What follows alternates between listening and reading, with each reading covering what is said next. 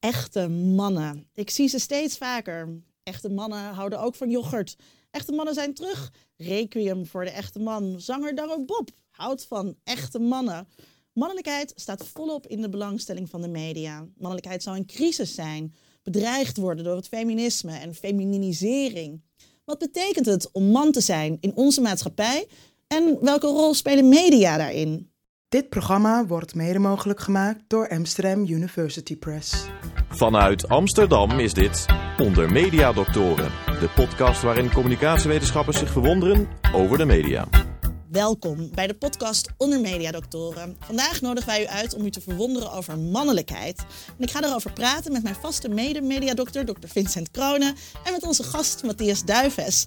Hij was een van de oprichters van homo- en lesbo-studies aan de UvA eind jaren 70 en gaf jarenlang beleidsadvies op seksueel vlak. En als freelance docent gaf je vakken over mannelijkheid. En daarmee ben je de uitgelezen persoon om bij ons te gast te zijn. Allereerst, beschouw je jezelf als man? Nou, ik geef je het antwoord wat, wat ik van een Chinese student van heb. Ze zegt, uh, ze zegt eigenlijk, een goede man heeft duizend mannelijke eigenschappen en duizend vrouwelijke eigenschappen. En dat probeer ik natuurlijk ook. En het gaat verder, dat een vrouw die heeft er 10.000. Maar voor mij is duizend al meer dan genoeg en dan ben ik, uh, ja, dat probeer ik toch wel na te streven. Vincent? Nou ja, kijk, biologisch gezien ja. Uh, identificeer ik mij daarmee en herken ik dat ook in alle, in alle verschijningsvormen die daarin zitten. Maar ook denk ik wel sociaal-cultureel dat er binnen de huidige dominant... dat ik veel van de waarden die hangen aan man zijn... toch ook wel heel erg dicht bij me vind staan, ja. En uh, Matthias, wat vind je dan mannelijke eigenschappen? Of wat zijn dan mannelijke eigenschappen?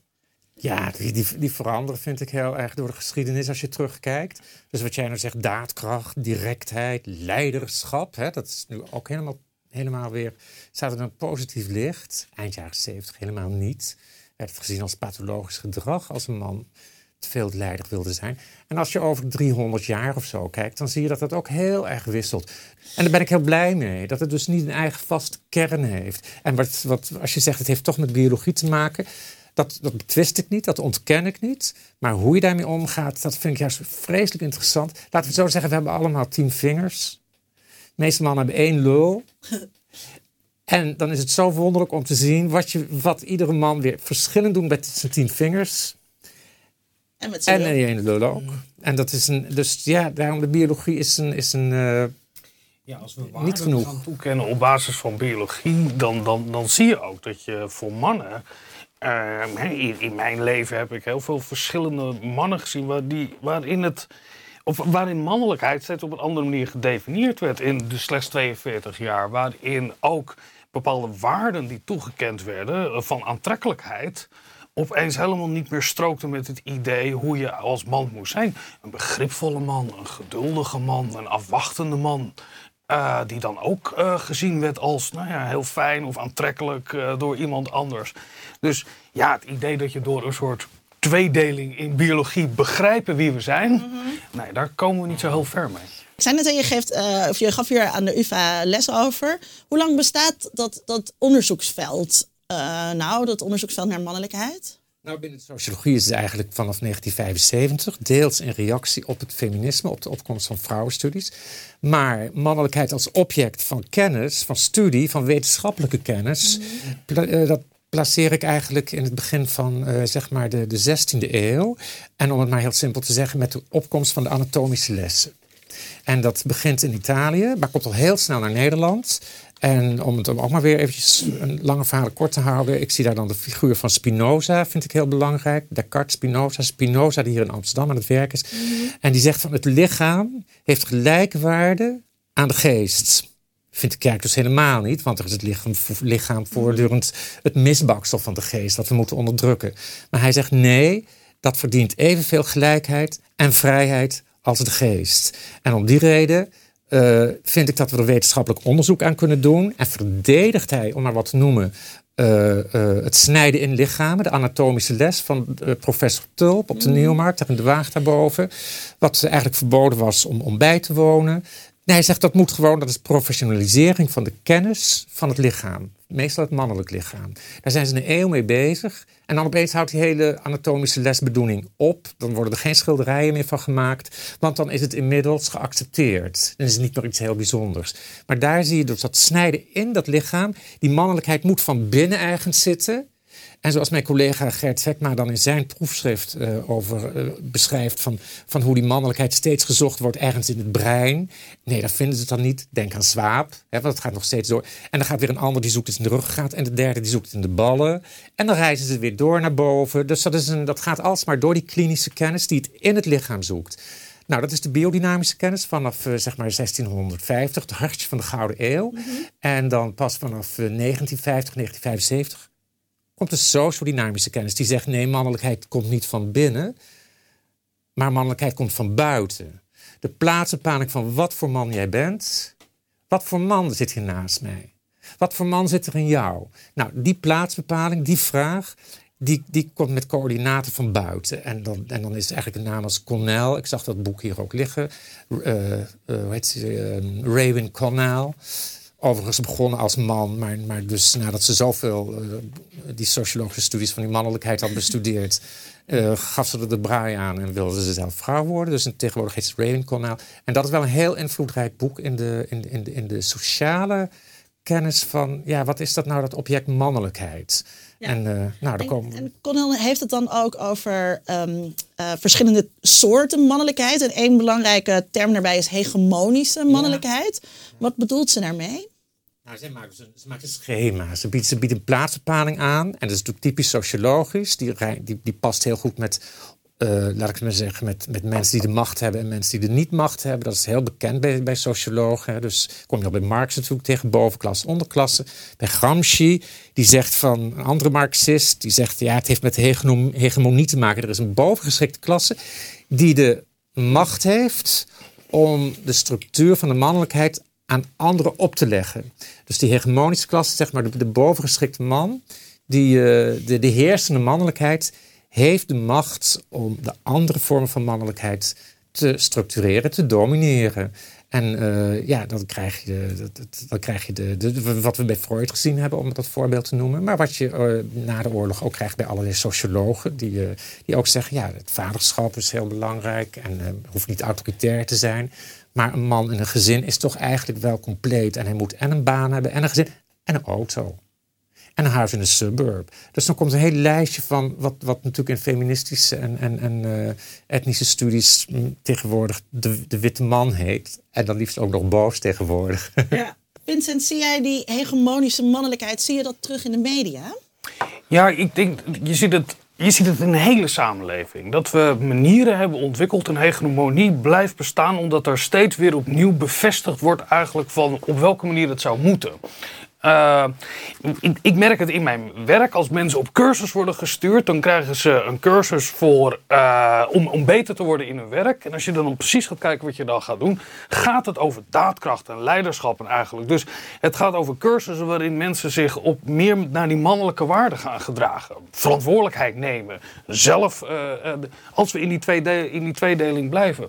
En dat zie je natuurlijk ook in de media. Als je gaat kijken naar hoe je succesvol moet zijn, dan krijgen we heel erg het verhaal mee. Een, een enigszins een neoliberaal verhaal. Je bent zelf verantwoordelijkheid, zet dingen op, neem risico. Uh, mensen die, aan uh, Leonardo DiCaprio in The Wolf of Wall Street. Als een voorbeeld van hegemoniale mannelijkheid. Dat is een idee waarin je ook, dat er een, ook een soort immoraliteit aan zit, wat uh, gepaard gaat met succes. We zien het in de filmgeschiedenis, hebben we ook een soort, een, een soort rare waardering voor de grote drugslords, als we in Scarface hebben of wat we in Narcos zien. Dat zijn de echte mannen. En ik, ik denk dat we in een hele bijzondere tijd leven, dat we namelijk de fictie niet meer nodig hebben om de meest perverse vorm van mannelijkheid te zien. Namelijk dat de huidige president van de Verenigde Staten nou bijna een, een, een, een, een pastiche is op mannelijkheid, en, maar dan in de werkelijkheid daar neergezet, die werkelijk over de grens van wat we ooit voorstelbaar hebben geacht over wat een soort overdrijving zou zijn van mannelijkheid, dat het bijna grappig wordt, maar dan is het echt waar. Net na de Tweede Wereldoorlog werd de Nederlandse man nog even oud als de vrouw. En nu gaat hij significant eerder dood. Een man zijn is helemaal geen pretje. Het is de één na belangrijkste risicofactor op vervroegd overlijden. Mannen gaan niet alleen eerder dood, ze zijn ook fysiek en geestelijk ongezonder dan vrouwen, gebruiken meer alcohol, drugs, roken meer, eten, zou, eten zouter, eten vetter, hebben vaker kanker, diabetes en ga zo maar door. Ze hebben even vaak als vrouwen depressieve symptomen, maar die symptomen zijn dan nog eens zwaarder. Die ellende heb ik niet allemaal bedacht, maar komt uit het boek De Karakterman van journalisten Stefan van Duin en Job de Vriese. Onze redacteuren Iris Verhulstonk en Narien Esmail spraken met Job de Vriese over mannelijkheid.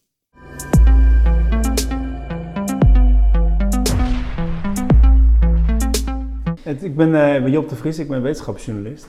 Ik ben niet per se uh, een feminist of een activist of zo. Maar ik, uh, ik, ik, schrijf wel heel, best wel vaak over leefstijl. Leefstijl, gezondheid. En, en we hadden bedacht dat we wel zo'n soort alles overkoepelend boek wilden maken over gezondheid. En dan voor mannen, want dat is er eigenlijk heel weinig. En eigenlijk toen we daarover gingen nadenken, van hoe komt het eigenlijk dat dat er niet is toen kwamen we eigenlijk meteen uit bij, bij mannenemancipatie, bij mannelijkheid. Want het heeft heel erg met elkaar te maken. Want het feit dat er dus geen boek is over gezondheid voor mannen, dat, dat zegt het al meteen. En dat is eigenlijk de aanleiding om dat boek te gaan schrijven. We dachten, nou, we gaan gewoon met een iets andere insteek proberen de mannen te verleiden om alsnog ten eerste om het boek te gaan lezen en daarna zichzelf tegen het licht te houden van, joh, uh, hou, ben, voel ik me hier nog goed bij of probeer ik me vast te houden aan achterhaalde beelden van hoe je je zou moeten gedragen of wat voor leven je zou moeten leiden als man. Eh, onze insteek was niet om een activistisch boek te maken, maar het, eerst hadden we het boek en daarna wilden we er een boodschap.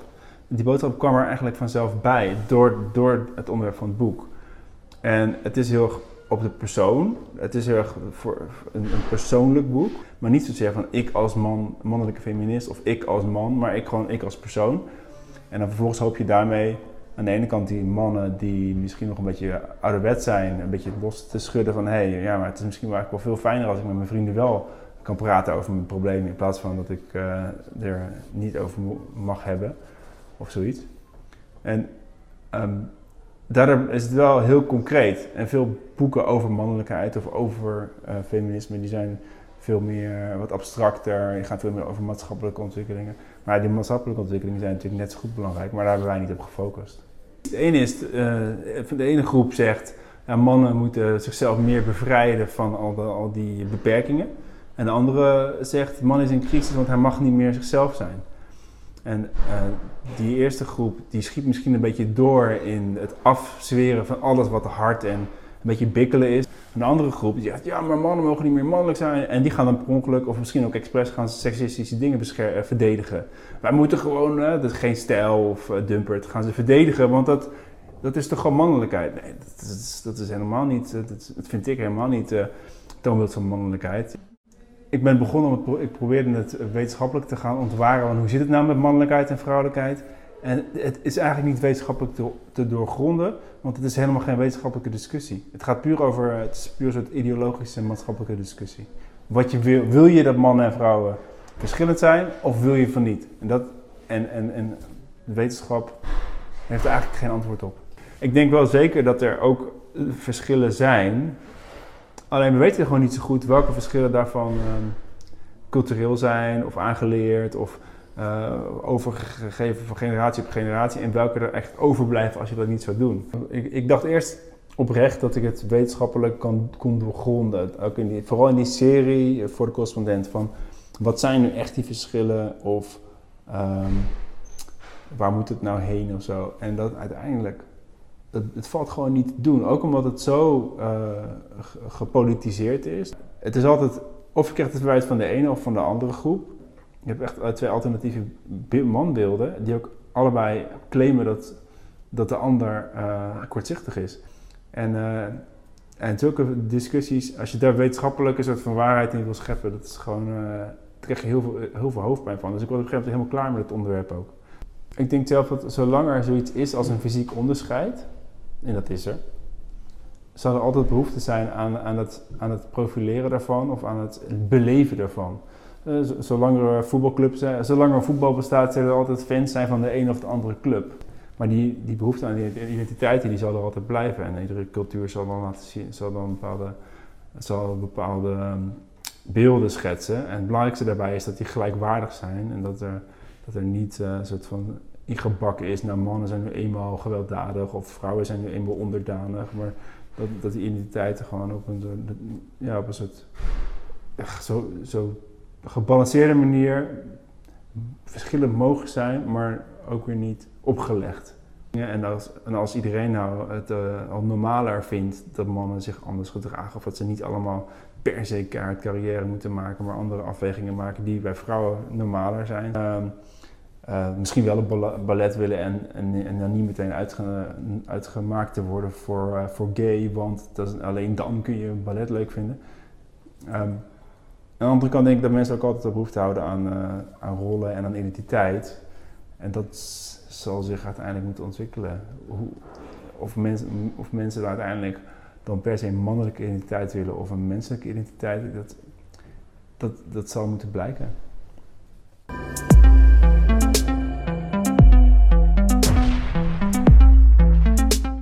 Matthias, wat voor, hoe plaats je zijn beeld van mannelijkheid in dat, in dat schema wat je net schetste? Nou, ik vind het heel interessant dat hij het woord opgelegd gebruikt. Hè. Dat is eigenlijk dat, dat, dat woord, hegemonisch. Van, je hebt een bepaalde mannelijkheidscultuur die, die wordt opgelegd, die wordt, die wordt afgedwongen bij anderen.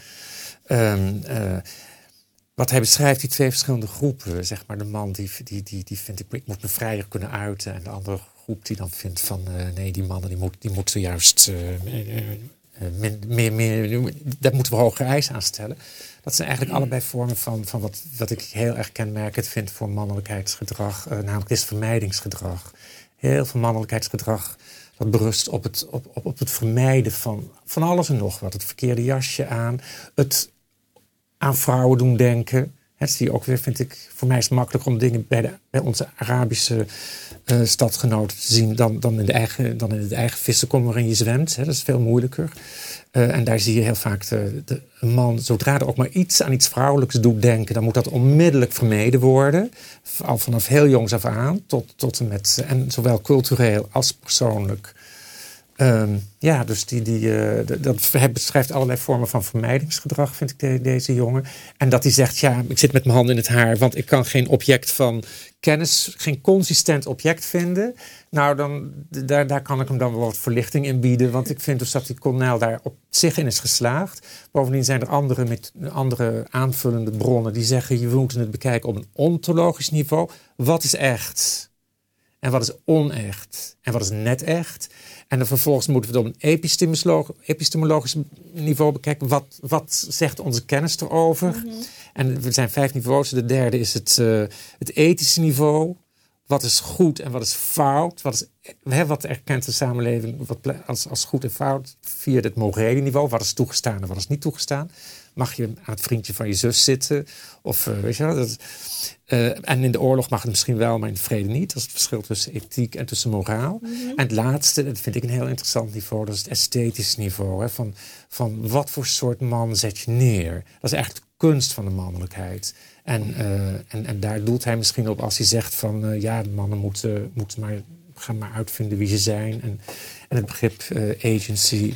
En dat, dat vind ik wel heel belangrijk. Die, dat, dat laatste punt, die, die, die, de kunst van de mannelijkheid, die, die, die is veel ouder dan de kennis van de mannelijkheid. Vroeger alleen moest die kunst de groep dienen. En in onze tijd moet die kunst hyper-individueel zijn.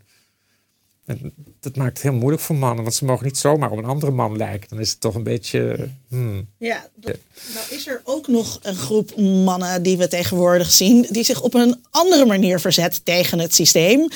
Zij geven de vermalendijde feministen de schuld van hun verslechterde of achtergestelde positie als man. Tijdens de Tweede Golf ontstond er de Men's Rights Movement. Groepen die zich verzetten tegen mannendiscriminatie. En sinds de komst van het internet weer klinken hun klachten luider dan ooit. De blogs, fora en sites waar zij actief zijn, wordt de manosphere genoemd. En om hier serieus genomen te worden, moet je eerst de rode pil slikken. Onze redacteur Tom Aalmoes maakte een item over deze zogeheten Red Pillars.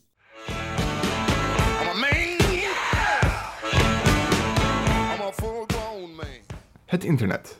Een verzameling websites en diensten waar mensen informatie, kennis en ideeën uit kunnen wisselen. Een plek waar gemeenschappen gevormd worden die voor hun leden net zoveel waarde hebben als hun offline gemeenschappen. Bijna de helft van alle mensen ter wereld heeft er toegang toe. In Nederland zelfs 94% Maar ondanks wat mensen denken, is het internet niet altijd een vreedzame plek. In de obscure hoekjes van het internet woedt een oorlog voor de ziel van de mannelijkheid. Wie zijn de dappere helden die deze strijd voeren? Wie zijn hun vijanden en wat hopen ze te bereiken? Vandaag kijken we naar de Red Pill. You take the blue pill. The story ends. You wake up in your bed and believe whatever you want to believe. You take the red pill. You stay in Wonderland. And I show you how deep the rabbit hole goes. De 200.000 leden van de Red Pill hebben, zoals de naam misschien al doet vermoeden, voor de rode pil gekozen. Zij zien de wereld zoals die daadwerkelijk is. Een wereld die niet wordt gecontroleerd door de patriarchie en mannen, maar door het feminien imperatief. Dat feminien imperatief houdt in dat onze maatschappij de behoeften van vrouwen beter dient dan de behoeften van mannen, en dat mannen daardoor onderdrukt worden. Door economische en biologische theorieën te combineren, zijn webpillers tot het inzicht gekomen dat al ons menselijk gedrag gestuurd wordt door de seksuele markt. In het spel van vraag en aanbod zijn wij mannen het die aan het kortste eind trekken. Vanuit ons bestaat namelijk alleen een vraag naar seks. We hebben een biologische drive om ons zaad zoveel mogelijk te verspreiden. Vrouwen daarentegen hebben de controle over het aanbod. Zij zijn door hun biologische programmering op zoek naar een partner die het best voor hun kind kan zorgen. Vrouwen kunnen daarom de prijs van seks bepalen en ons zo knechten. Hierin zijn ze zo succesvol geweest dat ze dominant zijn geworden in westerse samenlevingen. Maar wat kunnen wij mannen nu doen nu we de realiteit kennen? Er misbruik van maken voor onze eigen seksuele bevrediging natuurlijk. Redpillers transformeren zichzelf in alpha males, die lijken alsof ze voor een vrouw en haar mogelijke nakomelingen kunnen zorgen. Wij mannen moeten dus naar de sportschool en overkomen alsof we heel veel geld hebben. Op de Rappo kunnen we vervolgens dan discussiëren met elkaar over hoe de vrouwelijke psychologie werkt, zodat we gebruik kunnen maken van de loopholes in hun denken. Maar nadat we een vrouw dan zo ver hebben kunnen krijgen dat ze seks met ons wil hebben, moeten we zo snel mogelijk door naar de volgende. Relaties vormen is uit den boze. Dat is namelijk precies wat de vrouwen willen van ons. Vrouw voor vrouw neuken we ons zo dus een weg naar een betere wereld. Een betere wereld voor ons mannen dan. Um, wordt de status quo van mannenmacht bedreigd? Nee, die wordt niet in die zin uh, bedreigd. Maar ik denk wel dat bepaalde uitingsvormen van wat we toeschrijven aan mannelijkheid, dat dat in bepaalde plekken uh, weinig aandacht krijgt. Ik denk inderdaad in het lagere schoolonderwijs dat als jij heel veel uh, vrouwelijke waarden hoog stelt, netjes zitten, geduldig zijn, samenwerken, dat andere waarden die er ook zijn, die wat fysieker zijn, waarmee misschien jongetjes zich eerder associëren dan meisjes. Maar ook meisjes die dat mannelijk gedrag vertonen, dat dat ook gecorrigeerd wordt. Want dan ben je geen echt meisje. Dat dat wel waar is. je ziet op een universiteit gebeurt er iets heel raars. Dat we ontzettend veel meisjes ontzettend, veel, ontzettend succesvol zijn. Maar dat zien we niet één op één vertaald uh, uh, daarna in het succes in het maatschappelijk leven. Dus schijnbaar is er wel iets binnen het onderwijs bijvoorbeeld, waarin we bepaalde vrouwelijke waarden of vrouw, de waarden die we toekennen aan vrouwelijkheid hoger waarderen, waardoor bepaalde uh, mannelijke waarden die ook goed zouden kunnen werken, misschien wat op de achtergrond komt. Uh, maar betekent dat dat uiteindelijk de mannen bedreigd worden? Nee hoor, het patriarchaat is nog steeds uh, sterk aanwezig. ik ben het helemaal niet met je eens, maar goed. Um, Matthias, wordt de status quo van, van de mannenmacht bedreigd? Is die in het geding? Nee, ik denk dat, dat geloof ik helemaal niet. Maar ik denk wel dat mannen misschien meer moeten slikken dan uh, vroeger. Ik, ik, neem het voorbeeld van bijvoorbeeld in het uh, seksuele opvoedingsonderwijs. En daar is heel belangrijk. Vroeger was, was er toch altijd wel voortplanting. Hè? Dat, dat, leer je het eerst hoe dat allemaal werkt. En dat, mm -hmm. dat, staat echt heel centraal. En nu is officieel in allerlei notas gezegd: nee, dat, dat is niet meer ons uitgangspunt. Het uitgangspunt is nu consent. Maar dat betekent voor mannen dus inderdaad ook iets anders. Van ze hoeven niet alleen maar meer uh, die voortplantingsaandeel te leveren, maar ze, er moet ook consent zijn. Dus het wordt echt veel meer een onderhandeling iets.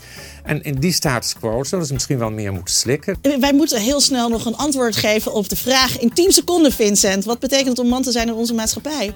Betekent man, dat mannelijkheid een veel diverser is uh, dan dat er een soort dominante norm in is. En als je binnen die norm valt en je je kan afvragen, als ik in een tijdmachine stap en ergens anders uitstap en je hebt het goed, dat betekent waarschijnlijk dat je tot een hele nauwe definitie van mannelijkheid behoort. Het was een moeilijke aflevering, denk ik. Deze aflevering 57 van de podcast Onder Mediadoktoren. Wij vonden het fijn dat u erbij was. Wij waarderen het ook als u ons liked op Facebook of op YouTube bijvoorbeeld. U vindt al onze informatie op ondermediadoktoren.nl. Deze uitzending werd gemaakt door Tom Amos, Volkert Koehoorn, Narien Ismaël, Pim Prins en Iris Verhulsdonk. Dank aan Vincent Kronen en aan onze gast Matthias Duives. Over twee weken zijn we er weer. Graag tot dan. Onder Mediadoktoren is een podcast van Vincent Kronen en Linda Duits. Meer informatie vindt u op ondermediadoktoren.nl.